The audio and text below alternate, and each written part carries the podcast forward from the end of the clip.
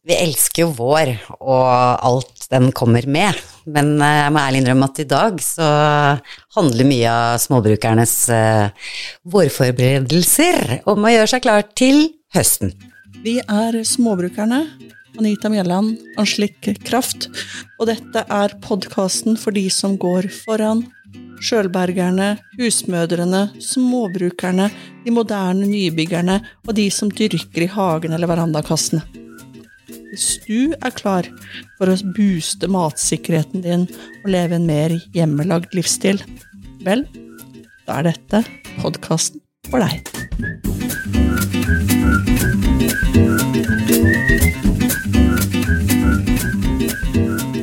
Jepp, da er vi i gang igjen, da, slik. Det er det vi er. Hei hvor det går. Hei hvor det går. Åh, i dag har det vært en helt nydelig dag. Blir det mange flere av de utover nå? I dag fant jeg helt ferske blader av oreganoen i hagen. Wow, Åh, Det er deilig. for et vårtegn. Og, og noen mikroskopiske kruspersiller.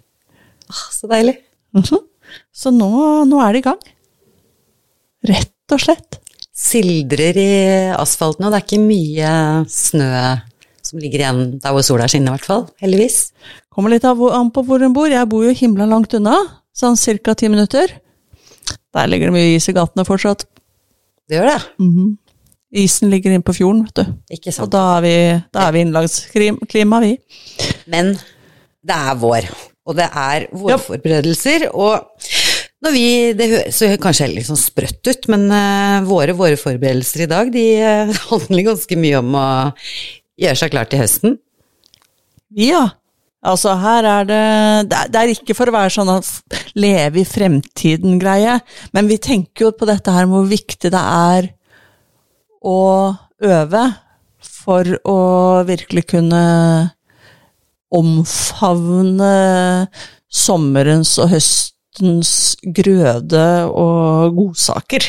Ja, men det er akkurat det. Vi mener jo fortsatt da, før vi eh, er på full fart vei ut uh, timevis, så, er det- så er det lurt å øve litt, da. Akkurat det med eh, I små porsjoner, i litt sånn mindre stykker.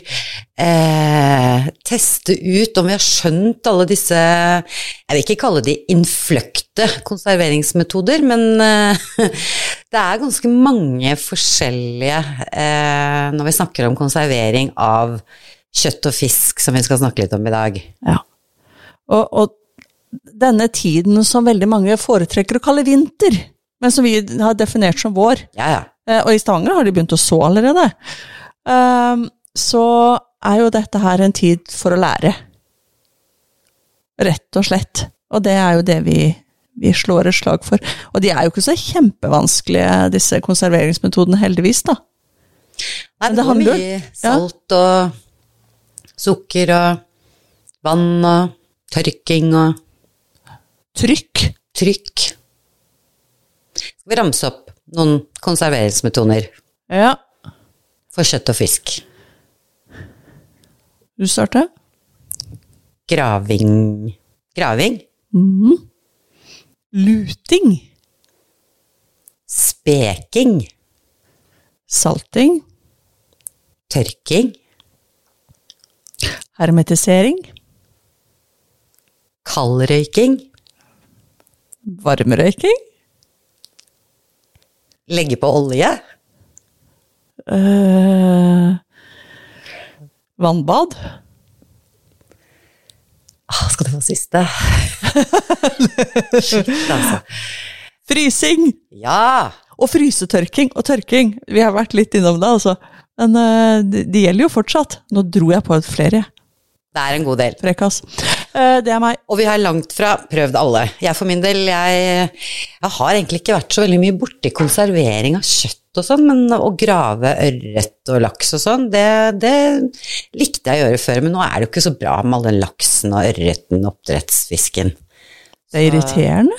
Ja, men kanskje begynne å teste ut eh, noen andre konserveringsmetoder på hvit, litt sunnere fisk, da. Ja. Det kan jo være noe. Sei er jo kjempegodt. Mm. Og du, husker du den uh, siken Ja. fra Drangedal? Ja, Løite gård hadde en fantastisk sik på olje. Å, herregud. Og det husker jeg alltid pleide å måtte kjøpe meg tre-fire glass. Det var, jo, det var jo konfekt. Ja, og den varte jo så lenge òg. Det var jo, hvis du ikke spiste opp alt sammen, så bare var det jo bare Det var jo dekka av olje, så det holdt seg jo kjempelenge. Ja, det var noe med det krydderet i den Ja. oljen. Det var helt Hvorfor sluttet de med det? Generasjonsskifte på gården. Åh, jeg håper de har eh, oppskriften over. Kanskje vi kan få tak i oppskriften og slik? Og prøvd selv. Det liker vi jo. Og øve litt. Altså, redaktøren i Drangedalsposten må jo kunne klare å få tak i oppskriften til sik i olja fra Løite. Er du på oppdraget?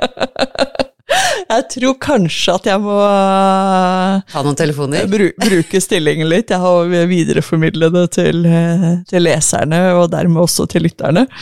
Jeg vedder på det er sikkert mange flere enn oss som eh, savner den, for den var vanvittig god. Eksepsjonelt god. Og så sik, jeg tror det er den eneste gangen jeg har smakt sik. Jeg kan ingenting om sik, bortsett fra at det er en ferskvannsfisk, Mm. Og den er god på olje. Men bortsett fra det, helt blank. Så det var jo litt om hva man kan gjøre med fisken, men uh, vi, vi kommer jo ikke unna vår venn grisen i denne episoden her. Åh, oh, du hadde med noe så vår venn Gris. Mamma pleide å si det. Vi elsker jo Hvem er det som ikke liker bacon som spiser svin, altså? Det er jo det er vår venn grisen. Har Ja. mye deilige kjøttstykker å by på. Ja, jeg liker svin, jeg. Jeg òg. Svinaktig godt, pleier jeg gjerne å si. Svinaktig godt. Og Ja det var søren meg disse små, delikate, tynnskårne Har du lyst til å smake på bacon, sier du? Jeg, Ja. jeg trodde jeg tok en bit av en uh, koppaskinke eller spekeskinke som var helt utrolig god på smak, og som du faktisk Ikke faktisk, men som har du Det har du gjort selv. Ja, og det, fatter ikke at du kan lage Det er ikke bacon, det her. jeg skjønte ingenting, for dette smakte jo jeg først i dag. Mm. Um, og da ble jeg litt sånn slått i bakken. For de som har fulgt oss en stund Så det er, jeg kanskje ikke spiser så mye når jeg sitter og prater. Så jeg kjøpte jo en halv gris eh, et stykke før jul. Mm. Uh, og det, det var en sånn uh, lykkelig gris som hadde tusla ut i, rundt i skogen i Drangedal. Uh, og gryntet og snøftet og hatt, hatt et bra liv. Så den fikk jo jeg mm, Henta jo jeg den halve grisen da, i et kryss i, inne i skogen i Drangedal. det føltes litt tvilsomt. Um, samme dag som den ble slakta. Og fra der så lagde jo jeg bacon av buklista. Mm. Buklista er liksom magen, da. Jeg skal ikke til å spørre buken, ja. Mm. Ja.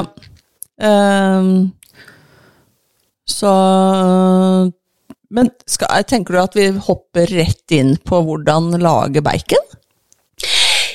Jeg tenker at det, veldig mange av oss eh, kjøper jo bacon i butikken. Og etter å ha smakt på den, dette baconet, og tenkt på hvor uendelig mange skiver du får ut av det buklista di, Ja. og hvor mye fem-seks skiver bacon koster i en sånn liten pakke fra Gilde, eller hvem man kjøper av, ja. Så, så tenker jeg dette her er et utrolig matnyttig, økonomisk godt, eh, veldig bra tips som sikkert flere har lyst til å høre hva du har gjort. Ja. Og det som da viser som for vår del føltes som koppaskinke i dag, eh, er jo rett og slett mann tager. For å si det litt med fru Henriette Schønberg Erken. eh, like deler sukker og salt. Altså, og da bør det være i samme si, størrelse. Sånn at ikke den ene er veldig mye finere eller grovere enn den andre, men at de er sånn røftlig likt. Eh, og så er det finmalt vi snakker. Det tar du bare og blander opp i en stor og stor bolle. Så tar du den buklista, og så går du over den og så fjerner sånne små mm, jeg håper å si hudfolder, det er jo ikke hudfolder, da, men sånne flapper. Lø, sånn halvløse kjøttgreier. Skjærer det rent for, at, for å få det flatt. Mm. Eh, sånn at du er sikker på at det ikke er noen steder som ikke får denne sukker-salt-blandingen i seg. Eh, og at det ikke danner seg fuktighet innimellom der. Bare sånn at du får det et helt rent stykke. Så det skjærer du bort. Det kan du bruke når du skal lage pølser, eller uh, hiver oppi en gryte, eller hva du enn bruker kjøtt til. Det Altså, å tape. Bruker du lang tid, eller på å liksom få ordentlig kjøtt, nei, sukker og salt eh, gnidd inn? Nei. Så når du har gjort det, så kan du eventuelt skylle over hvis du vil, og så klappe litt på Klappe det litt tørt, og så ned i den der bollen, og så, og så gni inn sukker og salt overalt. Eh, grunnen til at du har med sukkeret, er jo at det ikke skal bli for salt. Mm. Uh, det er Da er det lettere å ha kontroll på saltmengden. Og så, så bruker jeg rett og slett en sånn uh, form i rustfritt stål med en rist oppå. Ja, en sånn Ikea-form. Sikkert mange som har forskjellige varianter av det som man steker, steker på forskjellig. Og så legger jeg det oppå. Det poenget er at det skal, uh, vi skal få ut væsken, altså vannet, av kjøttet. Uh, og da vil vi ikke at det skal ligge og bade i, i den fukten som trekkes ut. Nei. Det er jo det som er hensikten med saltet, å trekke ut, uh, ut fukten. Og så legger vi skinnsida ned, for at prosessen skal gå litt saktere. Så det blir liksom uh, behandla mer. Og så er det inn i kjøleskap fem dager. Eller en kald bod, Eller en kald bod. Eller kald gang. som jeg har. Ja. um, og så bare står den der. Trenger ikke gjøre noen ting. Og så når det har gått fem dager, så tar du den ut av kjøleskapet. Og så skyller du bort uh, det sukker og saltet som er på. Tørker det, trykker det godt uh, rent med et rent eh, kjøkkenhåndkle. Og så henger du det opp. I skinkeposen sin, eller? i skinkeposen sin, gjerne på en sånn slaktekrok. Er du skikkelig fancy, så har du en sånn Det ser ut som en slags beltehenger. Sånn som man, sånn som man kan ha i skap, vet du. Ja, ja, ja. Sånn eh, kleshengergreie, og så er det mange sånne småkroker på til belter. Eller slips, eller hva det er man vil. Det ser ut som det er bare at det er ordentlig sånne kroker med sånn spiss på, da. Så man henger hele det derre baconstykket på. Eh, det kan krølle seg litt, og da er det viktig at hvis det henger liksom sånn fjongt fint på en sånn rekke, så henger det rett. Jeg har ikke det. Nei. Nei. Eh, så lar du det henge til du vil ha bacon. Hvor henger eh, buklista di, da? Du, jeg, jeg, min, min er veldig lite fancy. Jeg, jeg har en sånn kurv som man henger, så henger i taket som man kan ha frukt i. Ja, sånn, ja. Ja, det jeg fikk av en venninne som hadde vært i India. Uh, og så tok jeg rett og slett bare et kjøkkenhåndkle, og så har jeg hatt den liggende litt løst i det. Poenget er at det skal være eh, luft. Mm. Det må ha luftsirkulasjon. Uh, og derfor ikke putt i plast, altså da blir det surt. Nei, Uh, det skal luftes, men, luftes og tørkes. og det er en litt lengre prosess, eller? Da det, tar det litt flere dager. Ja, altså når kan du, hvis du har, lar det henge en uke, så har du, kan du bare begynne å spise da. Hvor lenge klarte du å vente før du måtte smake din egne produserte bacon? da? Ja, nei, det var omtrent det. og da Da var det bacon. Eh, urøykt, eh, riktignok, men, men det var bacon. Og så har jeg jo hatt det liggende, for jeg, dette her er jo litt sånn forsøksprosjektgreie. Så nå har det jo hengt eh, i Skal vi se, det var vel starten av desember jeg gjorde det. Så en to og en halv måned cirka. Og så skar jeg altså i dag. Ja, det var spekeskinkekvalitet på Å, fytti grisen. Og det er ikke, ikke rop hjelp! Rå bacon! Eh, det er ikke rått lenger, selv om det er rått. Det er konservert. Ja, det er jo speka. Rett og slett. Det er jo salta, så det er jo behandla. Så derfor kan skjære tynne, tynne, tynne skiver. Jeg har mamma sin sånn elektriske roastbiff-kutter. Vi kaller det Det heter sikkert noe annet. Men Mamma bruker det til roastbiff til jul. så da har jeg fått lov å ha det litt lenger i. Påleggsmaskin, er det ikke noe sånt nå? Kanskje det er det det heter. Eller, men det, jeg tror ikke det fins lenger. Det var sånn Eller kanskje eh, brødskjæremaskin. Jeg har ikke peiling. Det, poenget er at den kan skjære i forskjellige tykkelser. Når jeg tok den på det aller tynneste, så fikk vi dette her sånn vi kunne snackse på. Utrolig godt. Og så sa du en ting til, at når du smakte det første gangen, da var det litt salt, syns du, så du var Ja. ikke helt sikker på om du hadde lykkes. Mm Det er den saltsmaken, den er jo eh, helt eh, der den skal være, spør du meg. Ja, for det som skjer i løpet av denne lagringsprosessen, er jo at dette saltet trekker mer inn. Så når jeg prøvde det med en gang, så lå det fortsatt mye ytterst og litt innerst. Men nå har det på en måte jobba seg inn i hele mm, kjøttstykket. Og det har jo ikke vært noe mer salt, det har bare fordelt seg innover. Det er jo derfor det ble eh, knakende godt nå. Og det, det er jo ikke sånn at vi bare kan snacks på det. Jeg har jo skåret i terninger i dag, og hatt det i omelett, og vi har skåret sånn passelige skiver og stekt det på svakt eh, mellom sterk varme på, i panna, sånn type egg og bacon-greie. Å, det ble godt! Det ble godt. Ja. Sprøtt og godt. Og ikke, men det må ikke knallhardt stekes. Det må stekes litt forsiktig. Stekes forsiktig. Ja. Nei, det her syns jeg er et uh, tips uh, flere av oss burde uh, prøve, fordi det blir utrolig mange bakerskiver og mange måter å bruke dette i utgangspunktet litt sånn derre en buklist, liksom. Som, og så er det så godt. Ja, og dette her blir Altså, her snakker vi lokalmat eh, direkte fra produsent videre, som har levd lykkelig liv og greier. Dette her er billigere enn å kjøpe bacon. Du, nå sa du en ting til, for det også har jo veldig mange ganger ting å si at uh, Altså, det handler om hvordan eh, dyret har levd, da. Men hvor får man da tak i en, det, da? En bu buklist? Det er ikke så lett. Nei. Du kan jo gå på en sånn enten en slakter eller, eh, eller en sånn matbutikk med uh, kjøttdisk. En sånn betjent uh, ferskvaredisk, og så kan du spørre. Ofte sier de nei, det er like greit med ribbe. Uh, du kan bruke ribbe, men eh, det er ikke det samme.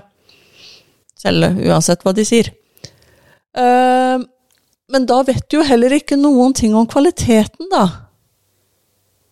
Med mindre du går til en, eh, en slakter som du vet er opptatt av de samme tingene som deg. Ikke sant. Men Anita, det er jo en del av uh, våre følgere som uh, produserer eh, mye egen mat, Yes. som har griser. Yes. Og de er over hele landet. Nettopp. Og det er jo For det er jo det beste, at du kjøper det direkte fra, fra bonden. Kanskje det er en fin liten vårforberedelse å finne ut av eh, Sjekke litt på våre følgere og finne ut om noen av de bor i nærheten av deg, og eh, hva de eventuelt kan levere. For når det kommer til det, så handler jo det også om en vårforberedelse. Og kanskje finne ut av hva du har av lokale produsenter, for dette skal jo slaktes og må bestilles og Ja, kanskje man skal være tidlig ute på det. Det tror jeg er kjempelurt. Og bli overrasket over å se hvor mange som faktisk eh, selger, da. Mm. Kylling Nei, kylling. Kylling. Kylling. Nei, men det begynte med Nå mobber vi folk. Hva var det det sies da? Skinkekjøtt. Si det tre ganger fort. Skinkekjøtt. Tre ganger. Skinkekjøtt. Skinkekjøtt. Skinkekjøtt. Skinkekjøtt. Ja, det var ikke så verst. Det syns jeg var vanskelig. Da var det verst. Ja, ja, men det er lett. Men, men, er, eh, men Instagram er, er et veldig godt sted. Eh, Men, du må, men det krever jo der, leting der som alle andre steder. Men vi tenker jo at følgerne våre på Instagram, småbrukerne på Instagram, eh, de er jo opptatt av de samme tingene som du som lytter. Ikke sant? Og vi er jo veldig opptatt av hva de driver med, så det er jo Ja. derfor vi har samlet mange som vi syns det er kjempespennende å følge, da. Ja. Vi Så- følger jo himla mange der. småbruk og gårdbrukere rundt omkring i hele landet. Det er kjempegøy å følge med på.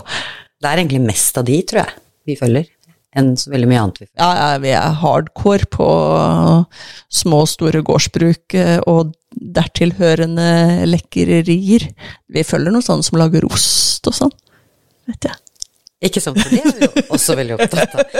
Men du, vi skal fortsette på litt konservering, men i hvert fall takk for eh, baconoppskriften din. Jo, Den hørtes ut som noe de fleste burde kunne få til, særlig hvis de har fått tak i en skikkelig god råvare. Ja. For det Og- tror jeg var litt av hemmeligheten til den derre greia som vi smakte i dag, er jo selve råvaren. Men øv på noe billig. Altså, øv på noe du får tak i.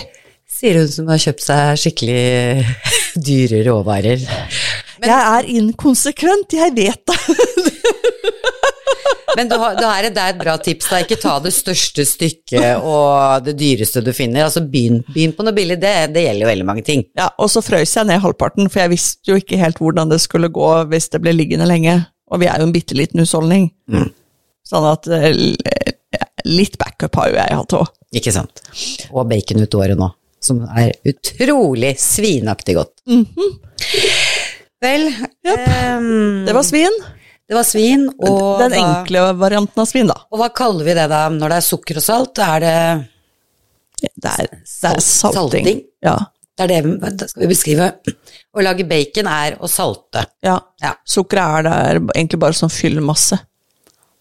Ja, og det hjelper jo til at det ikke blir så salt. Ja. Mm. Sånn at det, det, sukkeret gjør ikke noe i denne prosessen her, Mm. i seg selv. Jepp. Um, vi har Men skal vi hive oss på spe spekeskinka òg? Ja. Det er det jeg sier. Vår venn grisen har eh, mye godt å by på. Prosciutto, serrano Åh, Det er eh, nydelig tyske svartsvalteskinke. svartsvalte skinke. Åh, det er godt, det. Nå er det en gang her. Ja. Mm, Spekeskinker er jo Ja, da, da må vi være tålmodige, for da Ja. Det tar eh, et par år. minst. Ja. Og det, Minst. vi, vi har jo ikke gjort det ennå. Det er jo i kategorien ting vi drømmer om. Vi har snakket om det en eh, tidligere episode, at vi skal faktisk lage vår egen spekeskinke som vi skal eh, eh, åpne, skjære, Ja. på en 17. mai. Ja. Det har vi tenkt. Og, men det er jo heftig å ha et sånn toårsprosjekt med en svær spekeskinke som veier mange, mange kilo. Derfor blir det jo ganske kostbar. Eh, Og så er det jo en prosess. Du må liksom til og med stå med albuene og gni ut blodet langs beinet og sånt. Og det, ja, Massere. massere. Det høres litt finere ut, da, men det, den videoen vi så, så står han jo med fyren og lener seg på albuen for å gni ut eh, blod og massere tingene. Men det er så morsomt å tenke på det, for liksom, det er også å lage mat. Når du står og Var bare hvem som fant ut det, men eh, i hvert fall så er det en veldig viktig bit av det. Fordi Ja.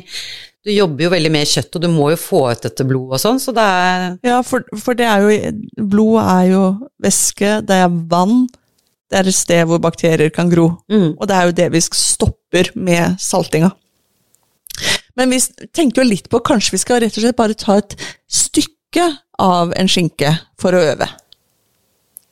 Uten bein, da, kanskje? Uten bein. Mm. Ja. Men trenger vi å massere den? Da, da tror jeg ikke vi trenger å massere så mye, for da er det ikke noe blod der. Da er det jo bare rent kjøtt. ja, hvis vi ikke tar med bein, Mm. og så ikke et altfor stort stykke. Mm. Og da er det jo veldig mye av samme prosessen som bacon, altså. Det er bare igjen, er større stykker, så er det lengre hengetid og sånn. Så det, det ligner, eh, ligner på hverandre, men her skal vi ikke komme inn i en detaljert greie i og med at vi, vi ikke har gjort det. Nei, men når vi satt og refererte til han, eh, han eh, kjekkasen som sto og masserte det grisebeinet Åt, gift åttebarnsfar i USA, så bare slapp av. Det her er ikke noe sjekkegreier på gang. Men han er i hvert fall en del av eh, noe du bare har eh, fått utrolig masse inspirasjon eh, fra, som eh, School of Traditional Skills, var det det du kalte det? Ja.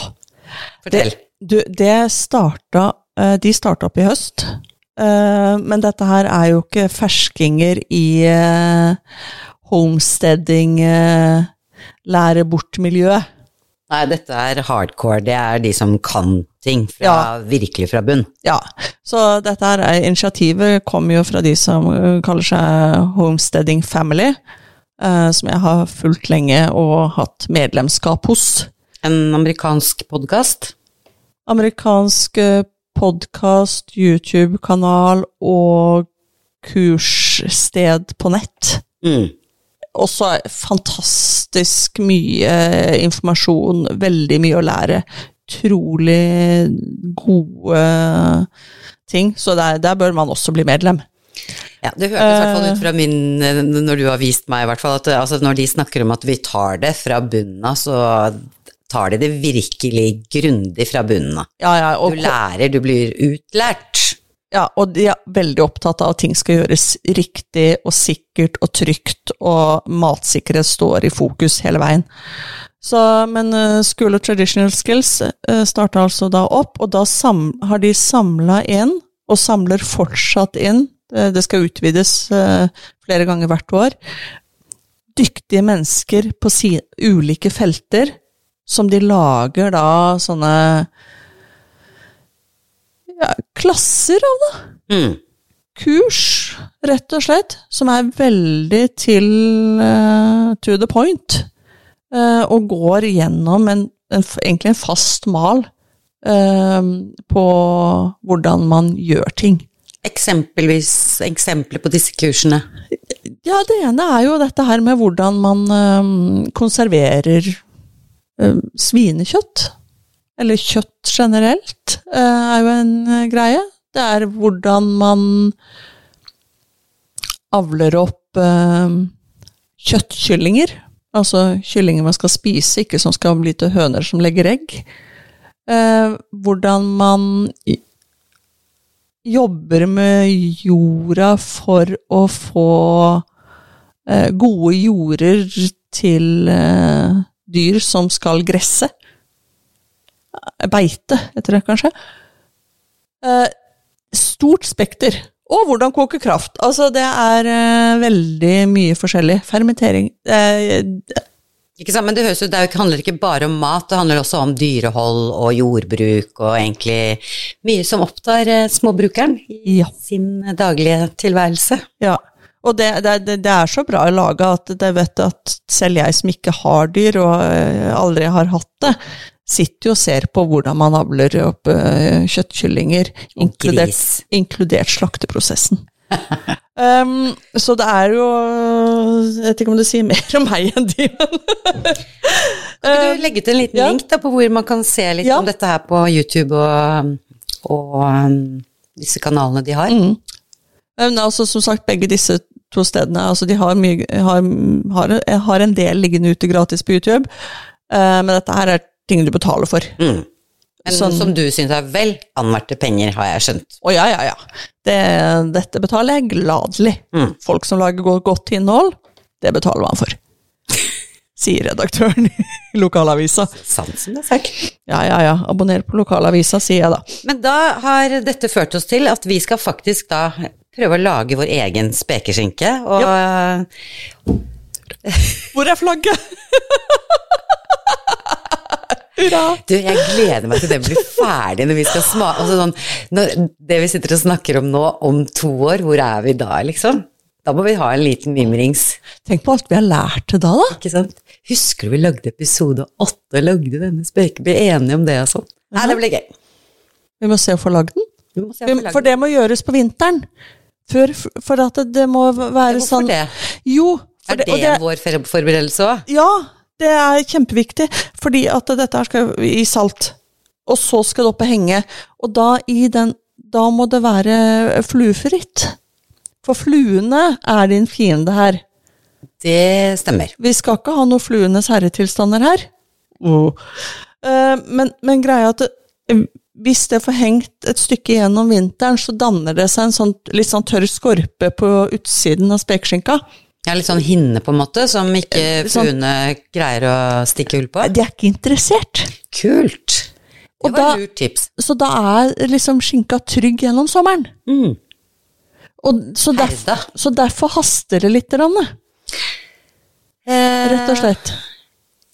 Yes. Yes. Har du et sånt uh, lite beinfritt stikke i fryseren din, eller? kjøpte jo den halve grisen, så det bør jo være noe. Kan jeg få kjøpe meg inn i den? ja, du kan kjøpe deg Jo, også, det er noe med at det skal For den prosessen, det var jo også noe med at man skal få ut det blodet, Ja. og så må den ligge kaldt ganske lenge. Ja, for den skal jo i salt i kjøleskap, den også. Ja. ja det her må vi Ja. Ja, den skal vi komme Så tilbake til. ja, vi må det. Vi må ja, Vi har jo sett videoer foreløpig her. Kanskje vi skal Du, kanskje vi skal lage en liten film av det når, vi, når den er tint? Det hadde vært litt gøy, så kan dere Å, så kan flere være med på Spekeskinkebabyen. Skal vi gå ut og ta bilde av den litt innimellom og sånn, for da henger sikkert veldig fint inni utebuet av de. Sier du at vi skal bli sånne gjør det selv-youtubere også nå? Da driver ikke vi og øver oss på ting vi ikke kan, da? altså, vi filmer jo! Nei, men det, det er klart vi kan gjøre det. Da bestemmer vi det. Da har vi bestemt det. Mm. Gjør det til lørdag. da. Det kan vi gjøre. Vi må jo gjøre det mens det fortsatt er kaldt. Det må vi også, ja, og det passer faktisk veldig bra òg, for nå er det ja, mye som skjer og mange deadliner om dagen, men dette her har vi alltid tid til, Anita, for dette er overskuddsgreie å lage småbrukerne. Ja. Det er mat, og det er glede. Og masse mer. Og masse mer. Mm, hvor var det nå? Du har rett og slett lite sånn eh, plan for, uh, for denne episoden, du. Hadde en liten plan. Jeg datt jo helt ut med denne hunden. Men eh, eh, Jeg vet at nå er det mye, Anita, nå er det mye enveisinformasjon her, men jeg ble litt misunnelig på den der fastfood-kurven din, jeg. Skal vi ta et lite avbrekk med den når, du, når vi ikke driver og konserverer og sånn? Er sånn når vi orker ikke, gidder ikke, passer meg ikke, rakker klikk, hakke, får ikke, bøkke, takke, tøkke, osv. Alle har sånne dager hvor vi bare å, komme hjem og begynne å lage mat fra bunnen av. Det er ikke det første vi tenker på da. Uh-huh. Og hva er faren da? Da er faren rask at man kjøper med seg noe fra en eh, disk å ta med hjem, tenker jeg. Uh-huh. Eller en bensinstasjon, eller en sånn Take- pizza takeaway-greie. Jo, det kan være godt av og til, men det er egentlig ikke så veldig godt akkurat de dagene der. For da er det bare du er grisesulten, men har null lyst til å lage mat. Da har du beredskapstips, du. Nå har jeg lagd meg beredskapstips. Jeg stakk fingeren i jorda og tenkte nei, ærlig talt, du kan ikke drive og kaste bort så mye penger på dårlige ting. Så jeg har rett og slett lagd en kurv inne på spiskammerset som jeg kaller fastfood-kurven. Genialt. Å ja, og hva, hva Og der har du fristende saker. Altså, der ligger jo salsaen til tacoen. Mm. Tacokrydder har jeg jo laga selv og har i, har i krydderskuffen, så den er jo alltid klar. Um, I fryseren så ligger det alltid tortillalefser. Jeg kom over et kjempekupp på Holdbart, da kosta de to kroner pakka. Jeg kjøpte mange. Lurt. Det Så- kan brukes til så mye deilig. Ja, og det tiner jo så fort, så det er liksom bare å ta opp på veien inn fra bilen. Eh, og så, så det er så, så sett er tacokittet klart. Kål har vi alltid i kjøleskapet, og da er vi jo halvveis. Eh, og så ligger det Står det glass med indiske sauser fra Saritas som er min foretrukne leverandør av eh, saus, indiske sauser på glass. Og ja, de koster to til tre til fire ganger så mye som de andre. De er allikevel mye billigere enn enhver takeaway. Og så er de gode.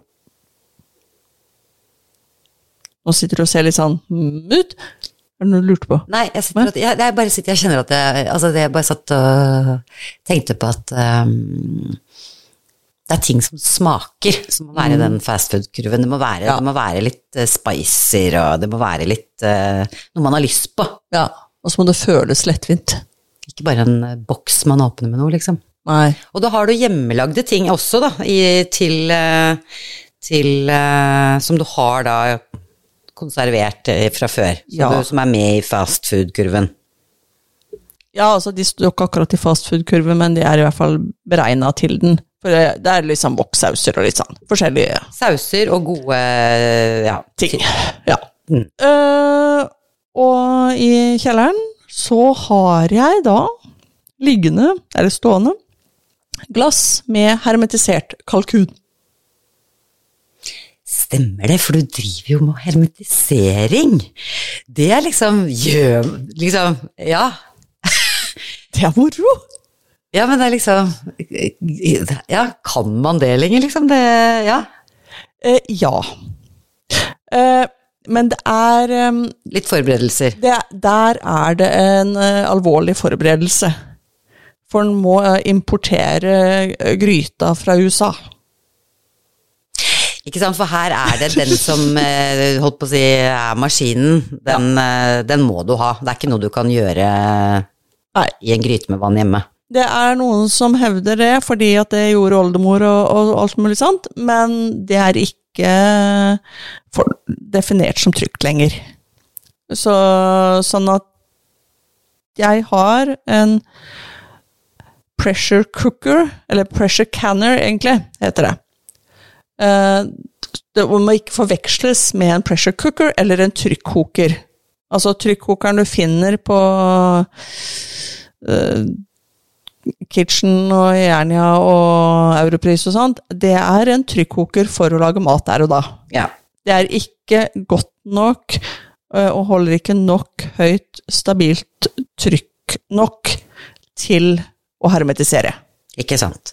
Og hermetisering, bare for å ha sagt det, da, det er vel kanskje den, eh, den og det er derfor du er litt sånn streng her, Ja. det er vel den konserveringsmetoden, altså konservert riktig, hermetisert riktig, som varer lengst. Ja.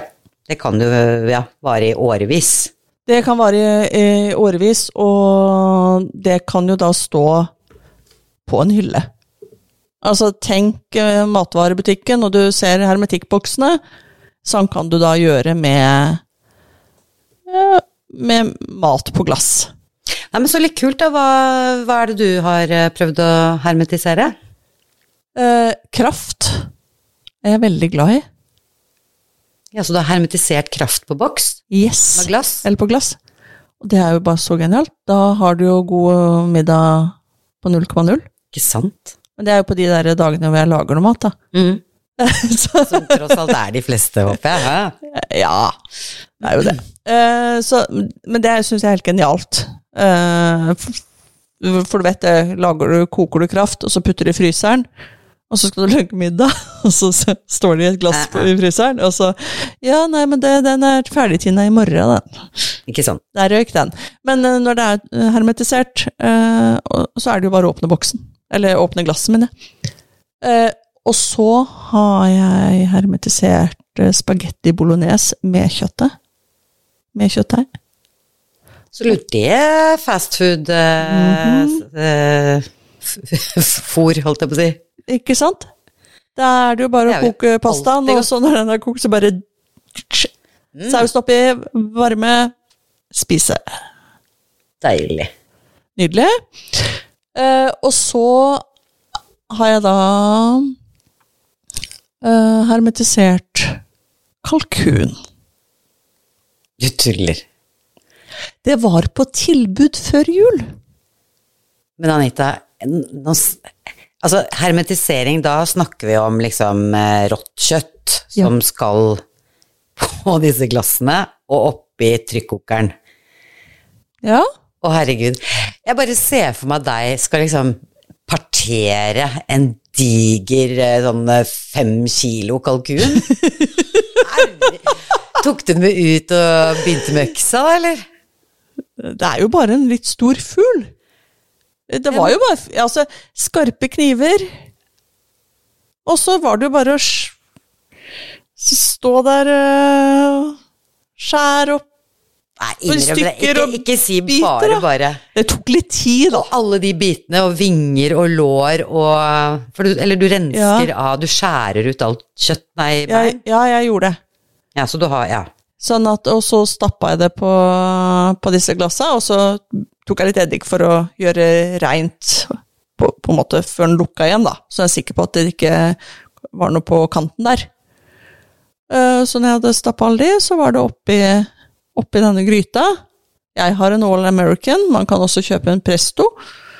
Eh, Det er de to mest anerkjente merkene. Men det må importeres fra Uniten? Yes. Yes. Jeg bestilte fra et uh, selskap som En butikk som har eh, spesialisert seg på sånn uh, Amish-liv og Omstødding! Hardcore. Jaha, jeg er jo typisk innbegrepet på en Amish-person, jeg. Uh, eh, men det var veldig hyggelig. Det var lett å kommunisere med og sånn, så det var derfor jeg fikk hjem igjen. Men mange bestiller også fra Amazon. Så det er eh, selvfølgelig Men du, sier har du, har du, ja, og så har du hermetisert annet kalkun. Ja. Og masse sikkert frukt og syltetøy og sånn òg. Ikke at vi skal snakke om det nå, for nå er- holder vi oss til kjøtt og fisk i denne episoden. Syltetøy og sånn, det gidder du ikke å ta i den der eh, hermetikkgryta. Det er meningsløst. For det kan du ta i vanlig vannbad eller eh, uten. Det er sant, for det er det med kjøtt og fisken som vi må Kjøtt, presisere. fisk og grønnsaker. Ja. Poteter, for eksempel. Og hermetiserte poteter. Det er godt. Du er jo litt sånn god på å bruke det. Det er så lett å det, For det første så får det litt sånn annen smak, og blir et veldig godt utgangspunkt for eh, potetsalater. Mm -hmm. i panner. På null komma niks. Det er jo fast food eh, før fast food ble oppfunnet. Nettopp. Det Altså, det. og, det, det er, og, og det er det jeg tenker er eh, Nå skulle vi, er det sikkert noen som tenker kan dere ikke dypdykke inn i hermetiseringsprosessen? Men, men da må vi holde på i noen timer. Så det gjør vi ikke nå, men det kan man jo lese seg litt opp på. Det viktigste budskapet i dag er at man må ha denne, denne Gryta. gryta. Ja, og det må være en pressure koster canner, og det koster. For å holde oss på kjøttbegrepene. Men hvorfor ikke finne ut om naboen din og de som bor rundt svingen, kanskje også har lyst til å begynne, og spleise på en?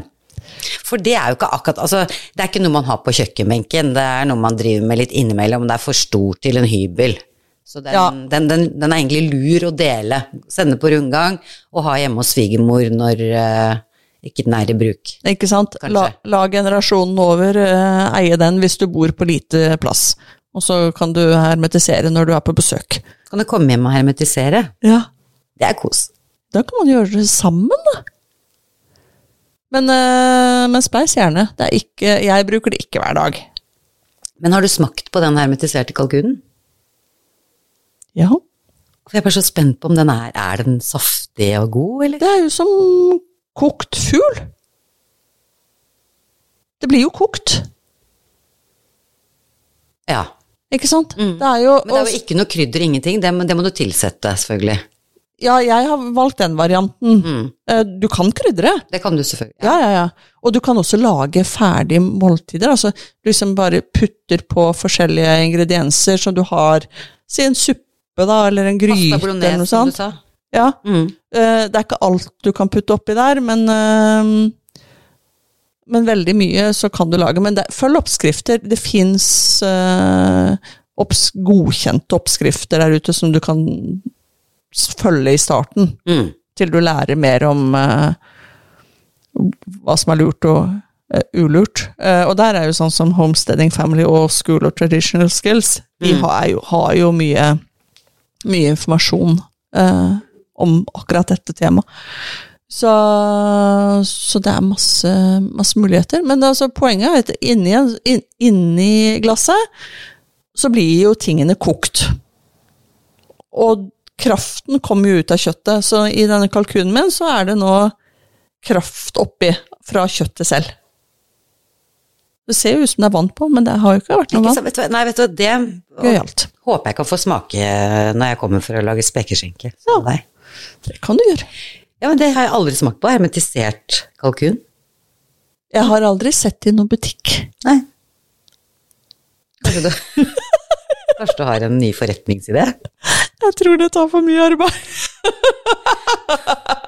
Vet, Det tok ganske mye tid, altså. Ja, jeg, jeg, jeg, bare, jeg kommer Men- ikke over at du sier liksom ja ja, for altså det å dele en kalkun i de små bitene for å få de oppi noe glass, Ja, da, da er det brett opp arma og veldig skarpe kniver. ja, men skarpe kniver må man ha. Men, men tenk deg at hvis du har øh, har kjøpt en halv gris, da, så får du jo mange kjøttstykker. Mm. Og der kan du gjøre akkurat det samme. Du bare skjærer av fettet. For eh, fett kan bli harskt. Mm. Også ned i hermetikkglass. Så, og da går det mye fortere. Eller hva med elgkjøttet? Hvis du jakter. Eller hjort. Eller okse. Altså, her er det jo Det er jo mange typer kjøtt som er lette å dele, lettere å dele opp enn en kalkun. Helt sikkert. Og så er det jo som vi sitter og snakker om, altså nå har vi vært innom hermetisering, det er jo, det, det er jo Alt dette her kommer jo fra, altså fra altså Når vi snakker om tørking og salting og graving og sånn, som kommer fra, og røyking, som kommer fra gammelt av for å få maten til å vare lenge, så tenker jeg at det det også er Altså det der med å røyke kjøtt Ja. Det er jo en greie. Men altså, jeg, må ærlig innrømme at det har jeg aldri gjort. Og det, det er jo varmrøyking, og det er kaldrøyking. Ja. Vet, vet du forskjellen? Eh, varmrøyking, da røyker du for smak. Kaldrøyking, eh, da får du smak, men det, da er det en konserveringsmetode. Så de fleste har jo vært borti sånne små røykommer. Sånn turgreie, rappala og hva de nå heter for noe. Ja, og røyke fisken du har fått, og det er jo Ja. mm, Med sånn spon. Mm. Mm, det blir jo varmerøyking. Mm. Da er du rett inntil der eh, røykkilden. Men så er du da kaldrøyking. Og det er eh, Jeg har sett på mange forskjellige varianter der. Har ennå ikke gjort det, men jeg har sett på. For dette her er jo gøy. Dette må vi jo bare finne ut av åssen det skal rent praktisk få til hjemme. For det er veldig vanlig metode. Alt dette her er sånn hjemmesnekra varianter, altså. Det, det er sånt jeg kan. Så da, da tar for eksempel en gammel liten gjøtelom, Ok. vedom, og så røy, øh, ovnsrør opp.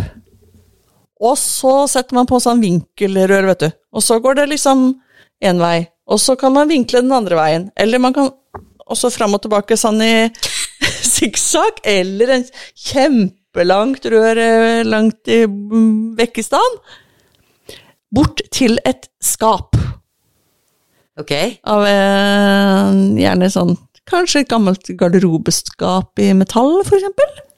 Hvor du setter inn sånne hyller i, med rister og sånt. Er du seriøs? Altså den måten du tegner og forklarer disse lange rørene jeg ser liksom som går gjennom rommene ut til et Du kan ikke holde på med alt dette her for å få kaldrøyka nå?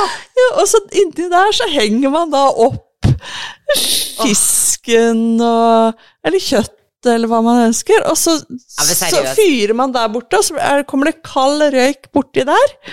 Og så henger det noen timer eller dager. Altså, her snakker vi tid, altså. Det er ikke noe sånn eh, fast food-prosess. Men det blir fast food etterpå. Det blir sånn slow food, fast food. Ikke sant. Nei, jeg ser for meg liksom Du drømmer jo også om en sånn der eh, steinovn eh, ute i hagen. Ja. Og så ser jeg for meg denne eksperimentet av en kald røyker-installasjon.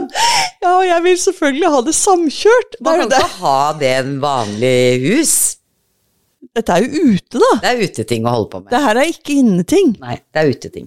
Ja, så, så det, er, det er ikke, det er, ikke eh, det, det er sånn hage... Det er en hageting med noen veldig lange rør.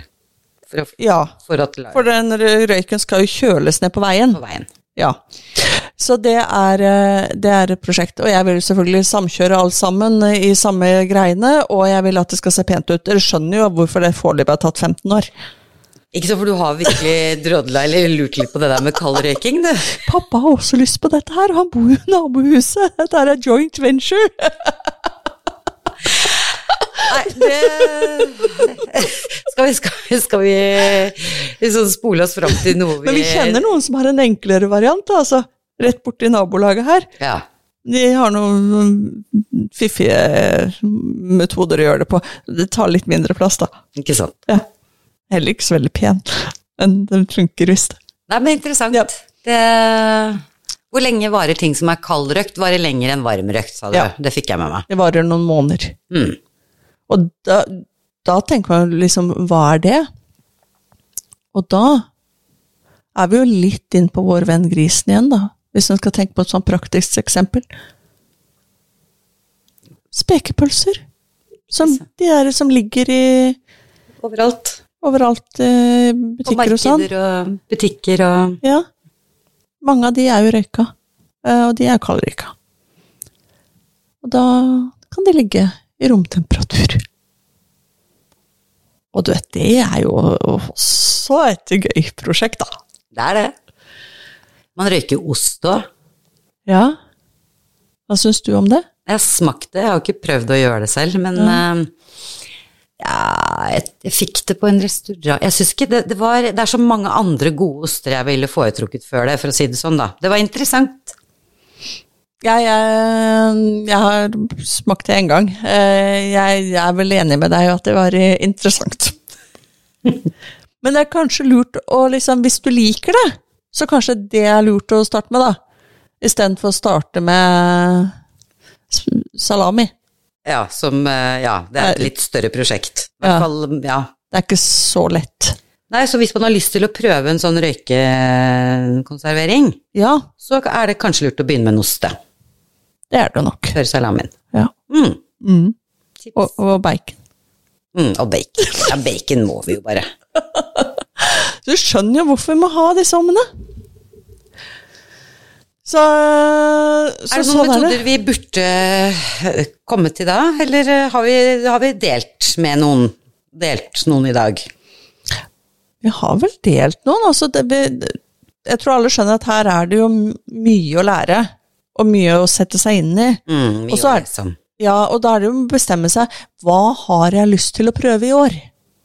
Du trenger jo ikke talle. tenker jeg. Så velg én. Ikke sant? Uh, og det tenker jeg, det, det, det holder, det.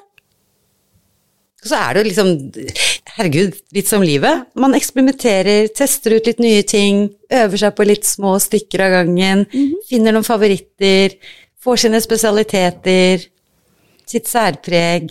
Ja, Alt det her kan jo du gjøre òg. absolutt. Dette her er til inspirasjon. Ja.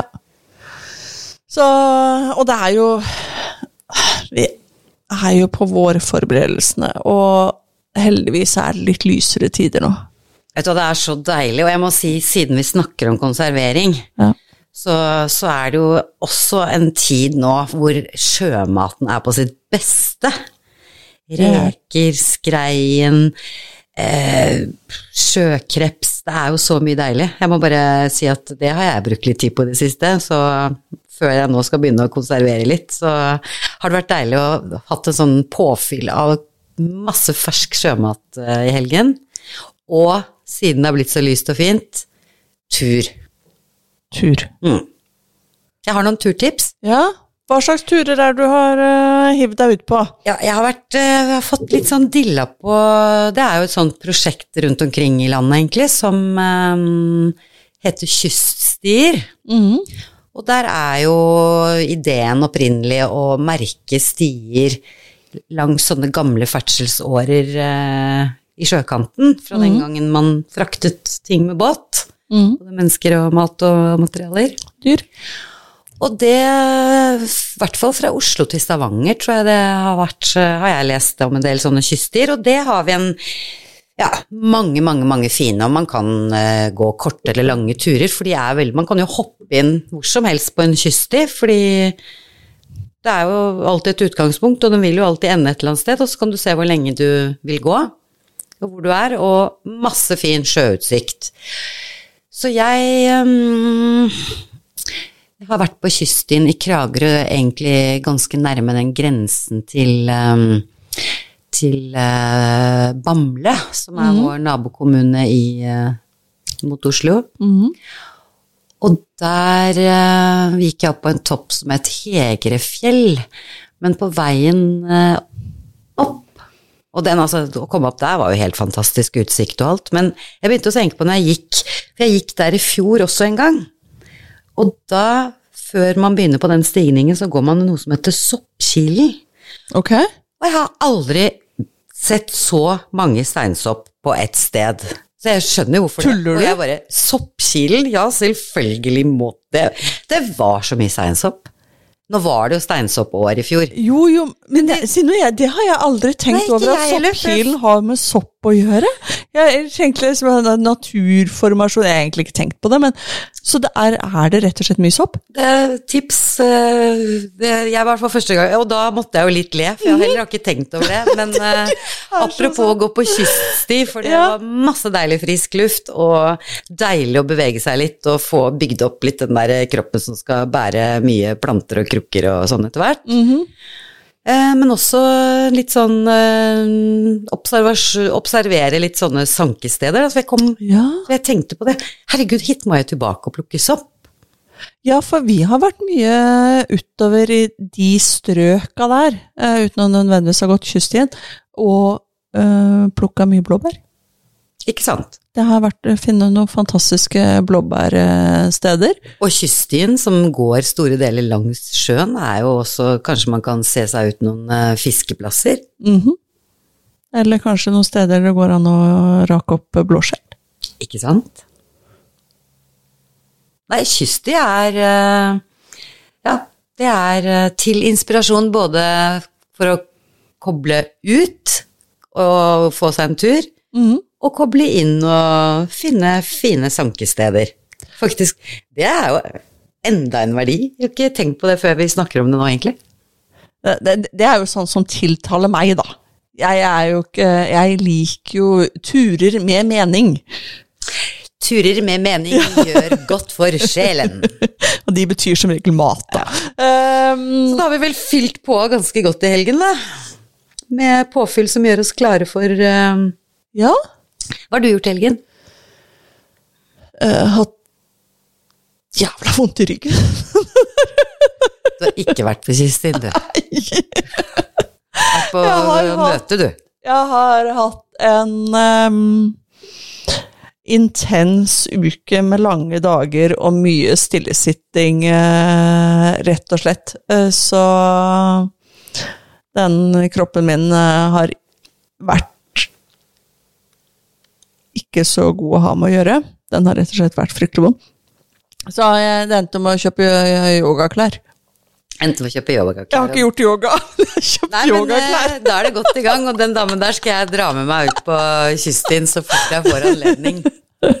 Jeg venter noe sopp, da.